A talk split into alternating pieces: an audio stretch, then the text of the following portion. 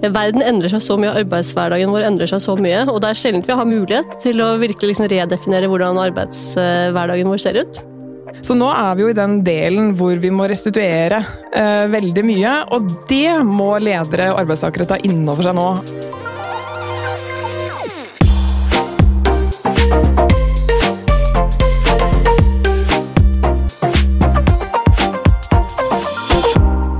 Skal vi lykkes i morgen, må vi ta gode beslutninger i dag. Derfor har vi invitert noen av landets mest toneangivende mennesker for å snakke om ting vi vet vil forme livene våre fremover. Dette er I morgen, en podkast fra oss i McKinsey i Norge. Jeg heter Kristoffer Toner, og i dag hjemmekontor, kontorkontor eller hybridkontor. Nå er det mange som prøver ut mange modeller på hvordan jobben skal gjøres. Men det er lenge til vi har svaret på hvordan den nye normalen, eller unormalen, blir. Og veien dit blir mer krevende enn de fleste av oss har trodd hittil. For er sjefer og ansatte egentlig enige om hvordan arbeidshverdagen skal se ut nå? Og med oss i dag for å prate om dette har vi fått besøk av konsernsjef i Snøhetta, Isabella Alveberg og psykologisk rådgiver og mentaltrener og programleder i podkasten Gritt, Cecilie Ystenes Myhre. Velkommen til oss. Takk. Isabella, klamrer du deg til hjemmekontoret nå, eller er du lettet for å være tilbake på Snøhøttas lokaler? Jeg tror svaret er begge deler. Eh, det er eh, fint de gangene man trenger å jobbe med samhandling og teamarbeid, å være på kontoret. Eh, og av og til må man jobbe med egne saker hjemme for å få den roen. Mm. Og Cecilie, du lever av å prate med folk. Skjer det nå ansikt til ansikt igjen, eller er det mye video? Du, det er sånn skikkelig fin 50-50-blanding. Ja. Rett og slett uh, mer 50-50 enn før? Ja, det vil jeg si. Uh, men det er veldig fortsatt mange som foretrekker å møtes digitalt. Kanskje flere enn det jeg hadde trodd. Mm. Mm. Og det er jo det vi skal snakke om i, i, dag. For hva er egentlig forventningen nå til mennesker, arbeidstakere og arbeidsgivere om hvordan folk skal jobbe? Nå som vi har lagt ett og et halvt år med tvungen hjemmekontor bak oss. Eh, og det er faktisk et veldig vanskelig spørsmål, kollega i McKinsey, Stine Rømmen Andersen. Du er en av dem som har satt seg grundig inn i vår forskning rundt denne nye hybridhverdagen. Hva er statusen etter ett og et halvt år med pandemi, Stine? Nei, dette blir jo på mange måter vår industrielle revolusjon. Altså vi, dette er her vi nå Verden endrer seg så mye, arbeidshverdagen vår endrer seg så mye, og det er sjelden vi har mulighet, på mange måter, da, som vi må se det som, en mulighet til å virkelig liksom redefinere hvordan arbeidshverdagen vår ser ut. Så, men det er mye som endrer seg, eh, og det går veldig fort. Mm, og Hvordan står det til med forventningen da til medarbeidere og, og ledere? Ja, Det er jo kjempeinteressant. Så Vi har gjort en ganske stor global undersøkelse nå med mange tusen mennesker involvert, og hørt akkurat liksom rundt det. Hva tenker arbeidsgiver, og hva tenker arbeidstaker? Og arbeidsgivers liksom inngangsposisjon er jo nå skal vi tilbake til normalen. Nå skal vi liksom tilbake der vi var før pandemi, og det handler bare om å liksom skape normalitet. Mens vi ser at de ansatte har et helt annet uh, liksom mindset. De kommer inn og forventer jo en mye større grad av uh, fleksibilitet enn det man hadde før. Uh, og der ser vi jo på en måte at det blir jo en interessekonflikt når du på en måte har, på den ene siden har arbeidsgiveren som har det på en måte hovedmantraet, og så har du arbeidstakeren som kommer inn og egentlig har en helt annen type forventning. da. Mm. Og det blir veldig spennende å se hvordan det utspiller seg. Mm. Isabella, overrasker det deg at ledere og medarbeidere ikke er helt enig? Nei, det overrasker meg eh, strengt tatt ikke. Eh, men jeg tror eh, premisset for spørsmålet om man skal hjemmekontor eller kontorkontor, er hva slags jobb gjør man? Slik at jobber man mye med samhandling og teamarbeid, så må man være der hvor de andre menneskene er, og det er på kontoret. Da Må man det? Ja, det må man. Det er, eh, det er et eller annet med samhandling ansikt til ansikt, eh, hvor man kan stille utfordrende spørsmål, eh, hvor man kan lære noe nytt i et uoppdaget øyeblikk, hvor man kan lære noe nytt ved en kaffemaskin. Det er de små nyansene i en hverdag på et kontor som man mister helt på et hjemmekontor. Mm. Cecilie, er det denne forventningsforskjellen mellom ledere og medarbeidere noe du hører om i de samtalene du har? Ja, noe. Eh, jeg må jo si at jeg syns at det er eh, ja, stor honnør til veldig mange gode selskaper og ledere og medarbeidere som har sammen funnet ut, kanskje på slutten av denne pandemien, og hvordan kan vi løse det når vi åpner opp. Sånn at, eh, og de er flinke til å sjekke sjekka disse forventningene med hverandre underveis også, så det er veldig bra. Og så overrasker det meg heller ikke at uh, det er noen som har større sprik enn andre. Um, og, og det, er, det, er, komplekse, store spørsmål vi snakker om, og det er ikke nødvendigvis et lett svar på det. Uh, så her må man prøve og feile mye, tror jeg. Mm. Og, og, Isabella, du, du, det virker som om du har en klar formening om når det nytter å være på video, og når det nytter å være uh, face to face. Uh, hva er beskjeden du gir til dine 250 ansatte? Vi har sagt at hovedarbeidssted er på kontoret. Mm. Eh, og så må jeg gi all honnør til eh, alle våre ansatte som faktisk 13.3 eh, pakket sammen sitt kontor og dro hjem på hjemmekontor. Og ikke trodde vi at det skulle vare i 600 eh, dager. Eh, men den fantastiske digitale reisen de har gjort, og hvordan de har klart å løse eh, og skape kreative prosjekter til tross for at de sitter på videoskjerm med hverandre, så tror jeg vi så en veldig effektivitetsboost i begynnelsen. Og så så vi at den dalte noe etter hvert ettersom pandemien varte og varte og varte, og varte, og man ble mer og mer ensom og isolert på hjemmekontor. Og så er jo folk i forskjellige livssituasjoner. Noen hadde mm. små barn hjemme, noen hadde barn som de måtte skolere hjemme. Eh, andre er enslige, eh, og andre var i parforhold hvor man kanskje hadde et eget kontor, og kanskje det var, eh, det var et godt valg å, å sitte hjemme. Mm. Men for oss er det jo viktig at eh, vi klarer å skape sammen. Det er jo sånn vi skaper prosjektene våre sammen. Eh, vi må jo sitte flere disipliner sammen, og vi må sitte med forskjellig eh, bakgrunn og ha forskjellige meninger, og da må vi sitte i samme rom og diskutere sammen. Og det føler vi virkelig etter pandemien, etter ett og et halvt år fra hverandre, at, at, det summer på kontoret når vi er sammen nå. Mm. Og, og, du føler også at du har dine medarbeidere med deg på den beskjeden? At hovedsted for arbeidet vårt er på kontoret? Det har vært litt sånn frem og tilbake. Vi har ikke 100% tilbake ennå, så jeg tror det må vi vente med til januar. Ja. Og se hva fasiten faktisk blir. Eh, og se om alle føler at det er eh, like viktig å være på kontoret. Mm. Så det er, er kanskje fortsatt en forskjellige forventninger også, også i Snøheita, i norsk eh, næringsliv. Eh, for øvrig, hva, hva kan konsekvensen av forskjeller i forventning være?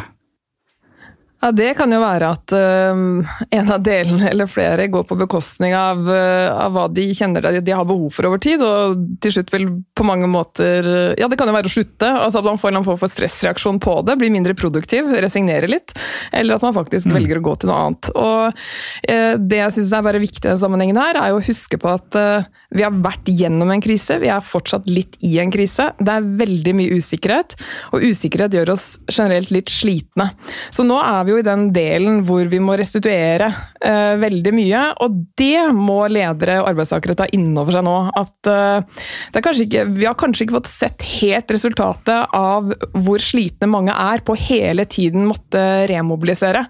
Um, så det krever mye psykologisk kompetanse hos uh, ledere, og mye selvledelse hos medarbeidere fremover. Mm, hvor bevisst er du på dette aspektet, Isabella? Jeg tror Som å være leder så håndterer man eh, forskjellige kriser gjennom sitt, eh, sitt lederskap. Jeg tror dette er, dette er noe vi aldri har opplevd tidligere, altså en slik pandemi. Og det hadde vært greit å vite i begynnelsen at vi alle skulle være på hjemmekontor et og et halvt år. Så kunne man liksom ha rigget seg mentalt til det. Men når det var liksom fra dag til dag, uke til mm. uke, ingen visste noen ting, plutselig åpnet det opp, og så stengte det ned igjen. Jeg tror det er det som folk ble slitne av, at man aldri kunne planlegge, at morgendagen var så uviss. Og, jeg er helt enig med, det du sier, at eh, det, kommer nok en slags reaksjon nå. Eh, og enten så føler man veldig behov for samvær med sine kolleger og vil være på kontoret, eh, eller så føler man også at det er fint å kunne være på kontoret når jeg har behov for det, og så syns jeg egentlig det er litt fint å sitte hjemme når jeg har behov for det også. Mm. Og selv om vi sier at hovedarbeidsstedet er kontoret, så åpner vi selvfølgelig opp for den fleksibiliteten som vi har lært å kjenne og liker. At ved behov så ordner du med din egen leder og sier at nå, nå har jeg behov for å sitte hjemme og, og jobbe. Mm, for, for, det virker som kommer til å bli veldig viktig, Stine, også i den eh, undersøkelsen som dere har arbeidet med. Hva, hva er det den viser om måte, tingenes tilstand og eh, konsekvensene av en forventningsskjevhet da, mellom lederne og de som jobber på arbeidsplassen? Altså, det er jo egentlig akkurat det Cecilie setter fingeren på. Altså, jeg tror Det vi ikke må undervurdere nå, er hvor slitne folk er. Og det ser vi veldig tydelig i disse dataene også. Altså det oppgir at over 50% av de vi har snakket med, sier at eh, de opplever at de er liksom på grensen til utbrent og eller har sett, kjenner tegn til utbrenthet. Mm. Eh, og det er jo en enorm liksom, antall personer fra et så stort datasett som, som, kjenner på ikke bare slitenhet, men liksom utbrenthet. Og så tror jeg liksom at det eh, det vi ser at den konsekvensen det får, som Cecilie også er akkurat på, er det at når man kommer inn og man er så sliten, så kjenner man jo på at da har jeg egentlig ikke lyst til å være på denne jobben mer. ikke sant? Også hvis man da, Særlig hvis man møter en arbeidsgiver som, som dytter deg litt for hardt tilbake, ikke sant? Så, så, kan det skape en sånn motreaksjon, sånn at man i verste konsekvens slutter. Og Det er jo et, datapunkt som vi ser nå og følger veldig interessert med på, er jo liksom hvor stor andel av folk som slutter jobbene sine nå. og Det ser vi jo både internasjonalt og nasjonalt er på veldig økning. Og det som er kanskje mest interessant med det, at liksom det, det, går jo da vesentlig opp, og det sier også folk i disse undersøkelsene, at de er veldig, altså de vurderer det. Eh, og så kan vi jo se på dataene nå i bakkant at det faktisk skjer. Eh, og, det vi også ser i dataene, er at det er jo folk som slutter som ikke har noe å gå til. Altså der, så, så, så, da har det jo dyttet folk ganske langt. Det er ikke bare det at de nå sitter og liksom ser etter hva er mulighetene mine, men at man, eh, men at man virkelig liksom bare slutter fordi man, man, nå er det nok. Da. Eh, og det er jo ikke liksom arbeidsgivers ansvar at folk er så slitne i seg selv, altså det er jo fordi vi har vært gjennom dette vi har vært gjennom nå, men jeg tror det er viktig for arbeidsgivere å forstå at nå, det er den arbeidsstokken man står overfor, og som man må da vise fleksibilitet og ha dialog rundt da, for at man ikke nå ender opp i en situasjon hvor man presser altfor mange for hardt for tidlig. Da. Mm, og hvordan snakker du som leder om dette eh, med dine? Isabella? Vi snakker jo veldig mye om eh, hva vi gjør på, på Snøhetta, og liksom hva vår purpose er. Eh, vi snakker om våre verdier. Eh, vi snakker om hvorfor vi jobber sammen. Vi snakker om eh, respekt for hverandres fag og respekt for eh, hverandres bakgrunn og som mennesker. Og jeg tror det er veldig viktig, som du, du sier, at det er mange som slutter fordi de ikke føler seg sett lenger. Og det er mange som slutter fordi de ikke finner mening i arbeidet de gjør lenger. Så jeg tror vi som arbeidsgivere må, må ikke ta det for gitt at alle vet hvorfor de kommer på jobb hver dag, men at vi forteller hvilket viktig bidrag de utgjør for å få skape de fantastiske prosjektene vi skaper faktisk i Snøhett, at alle er like viktige. Alle fagene er like viktige. Om du sitter i økonomiavdelingen eller om du er en arkitekt, så er alle like viktige, og det er veldig viktig at vi alle kommer sammen for å dele på den kunnskapen. Så, så fellesskapet prøver vi å liksom virkelig bygge under. Mm. Og Cecilie, du, du jobber jo eh, bl.a. veldig mye med å snakke med eh, mennesker eh, om hvordan man får energi til å eh, gjøre en god jobb og ha det godt med seg selv. Eh, og så har mange i løpet av pandemien på tvunget hjemmekontor eh, fått eh, mentale utfordringer rundt at man ikke er knyttet til arbeidsplassen sin, at man føler seg ensom. Og så skulle man jo kanskje tro at det løser seg nå når man kommer tilbake, men, men sånn er det faktisk ikke, for det skaper en annen usikkerhet. Ja, og du har jo de som kommer tilbake på jobb nå og er sånn nyforelska fordi de får denne mhm. tilhørigheten. Og så har du fortsatt de som ikke nødvendigvis finner energi i det. Det kan også være mer introverte, eller de som virkelig har kjørt seg hardt nå. Eh, og det er jo de man må plukke opp eh, og prøve å komme tett på og kjenne på hvordan er det vi best kan gi deg energi. For det er jo veldig få av oss som kan finne motivasjon og mening nå når vi er dødslitne, for å si det veldig enkelt. Så da blir første bud å restituere best mulig på den måten man henter seg opp. Og for noen så kan det være rett og slett å bare fortsette å være litt hjemme, ta ting veldig som nesten sånn etter en sykemelding, nesten. Eh, men der, der, må man komme tett på folka sine og sjekke av behov. Og så skal jo ikke nødvendigvis de individuelle behovene mener jeg, være retningsgivende fra for hva et helt, helt selskap skal gjøre. Eh, men en god leder er god på å balansere eh, det ut, og vite også hvor grensene går. Tror jeg. Mm. Men, men, rett og slett et, sånn, et, steg tilbake og et spørsmål om hvor, hvor, hva var det som skjedde eh, på disse hjemmekontorene og med den hverdagen som gjør at folk nå er så slitne som, som de rapporterer at de er? Ja, Det kan kanskje Stine svare bedre på, nå snakker jeg ut fra min erfaring. Eh, det som ofte skjer, er jo i hvert fall de som eh, har mye å gjøre, de får nesten mer å gjøre. fordi at du, du, du får ikke de der naturlige avbrytelsene eh, som du får på kontoret, hvor du småsnakker i gangene, eller du tar en telefon, du går ut og tar en kaffe etc. Så det blir ingen pauser, det blir fullt kjør. Men så har du også de som på et vis ikke har den graden av selvledelse til å, til å, kanskje finne ut hvordan de setter i gang med arbeidet også. Så de, de har fått lavere selvtillit, mindre mestring. Eh, for de har ikke nødvendigvis fått, hatt de støttefunksjonene rundt seg som bare har vært et lite kontor unna før. Så det er, det er mange, mange ting, Kristoffer. Ja. Mm, stemmer det med det dere også ser, Stine? Ja, det gjør jo egentlig det. Og jeg synes Isabelle hadde et veldig godt poeng i sted, som vi også ser. For vi så jo i begynnelsen av pandemien så gikk jo produktiviteten opp, ikke sant. Eh, og det meldte alle, at vi er mye mer effektive. Og det var jo nettopp fordi du ikke hadde ingen reisevei, eh, ingen kaffeprat. Men så så vi at når, når, det begynte å bikke et år, så begynte de tallene å gå ned. Og, det som ser ut til å være en av de viktigste driverne, er fordi du mister den kompetansebyggingen som skjer på jobben hver dag. ikke sant? At du, eh, den er, det var, for det var særlig på de mer junior-nivåene hvor vi så at liksom, produktiviteten gikk ikke opp til det nivået man skulle forvente. da. Og en, en mer seniorprofil får ikke måte, full uttelling på sin kompetanse, fordi du ikke klarer å få de under til å liksom, løpe på ballen på den samme måten. Så det skiftet jo ganske liksom, radikalt underveis. Mm.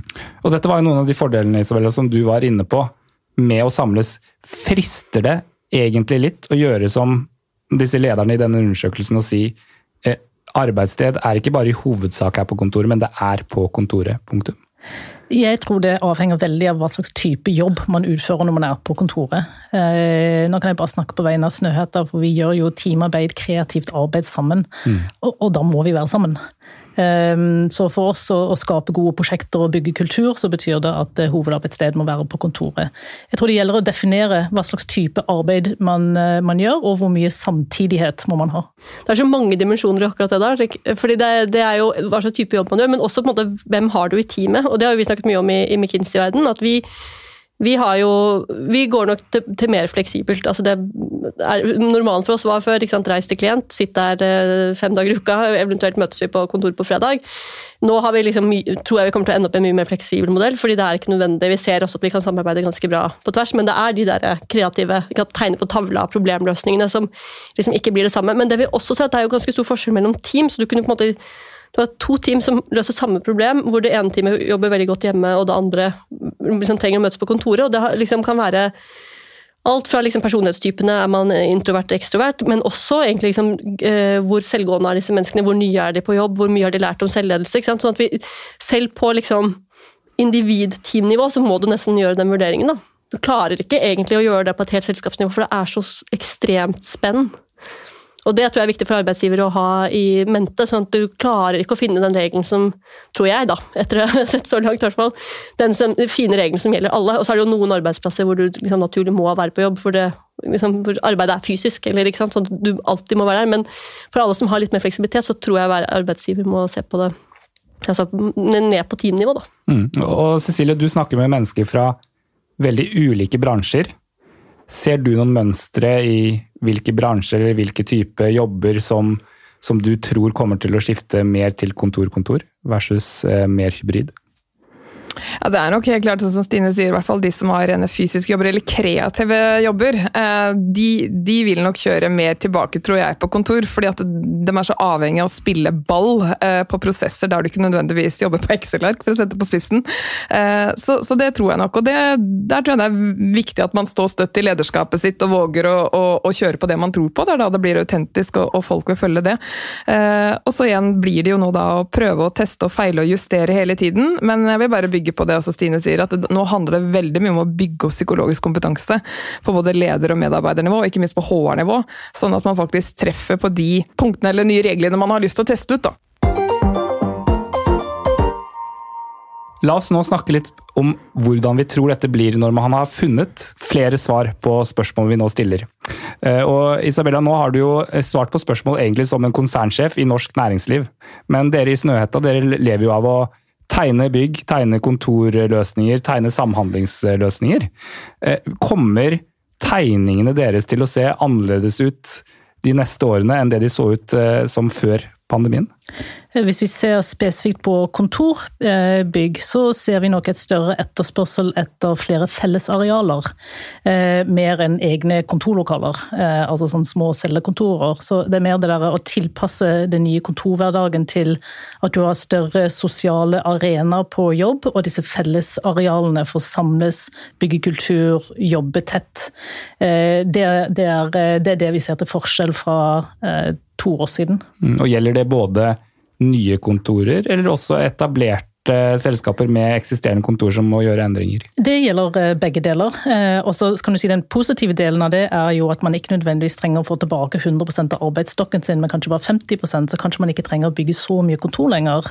Og kanskje de kontorene man skal transformere kan bli to kontorer. Så det er jo noe bærekraftig i dette også, ved at vi slipper å bygge nytt, men, eh, men heller å lage de litt mindre, siden folk delvis har sin jobb hjemme. Mm, så, så, rett og slett så har pandemien også endret litt på arkitektyrket, eller i hvert fall hva man tegner? Litt tidlig å si, men eh, det er i hvert fall de trendene vi ser nå. Mm. Og hva er, hva er, de typiske tankene når dere får da eh, bestillinger eller ønsker om, om nye eller endrede kontorlokaler? Du snakker om flere fellesarealer. Helt konkret, hvordan ser det ut? Du får komme ned til oss på skuret på Vippetangen og titte. Vi tar jo veldig ofte utgangspunkt i hvordan vi har utviklet vårt eget kontor, selvfølgelig skreddersydd til alles behov. Men det at mm. man har eh, liksom et fellesareal hvor man kan ha felles møter, eh, som ikke er så veldig corporate, og man ikke sitter på stoler og ser på en skjerm, men faktisk sitter i en trapp f.eks., som er jo veldig sosialdemokratisk. Eh, eller at man har store lunsjbord hvor man kan sitte og spise sammen for å skape den felles eh, opplevelsen og, og dyrke den kollektive intuasjonen Ok, for det, det, som jeg da lurer på i forbindelse med denne trenden mot mer fellesareal, det er jo hvis man skal ha hybride arbeidsløsninger hvor masse mennesker går rundt med headsetet sitt og er på møter andre steder, men de er på kontoret. Blir ikke det veldig bråkete, rett og slett? Jo, men igjen så tror jeg lederne må definere hva slags arbeid skal gjøres hvor og når.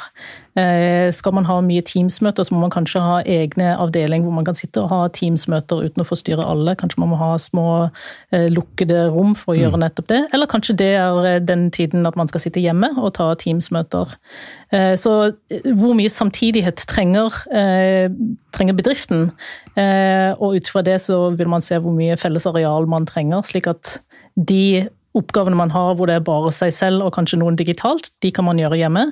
Eh, men de oppgavene man må gjøre og når man skal bygge kultur, de gjør man sammen på disse fellesarealene. Mm, hva, hva tenker du Stine? Eh, vi i McKinsey skal jo også eh, få opp daterte kontorer nå med mer fellesområder. Samtidig så er jo du en person som er ofte på et møte et annet sted selv om du er på kontoret. Tror du det er riktig retning?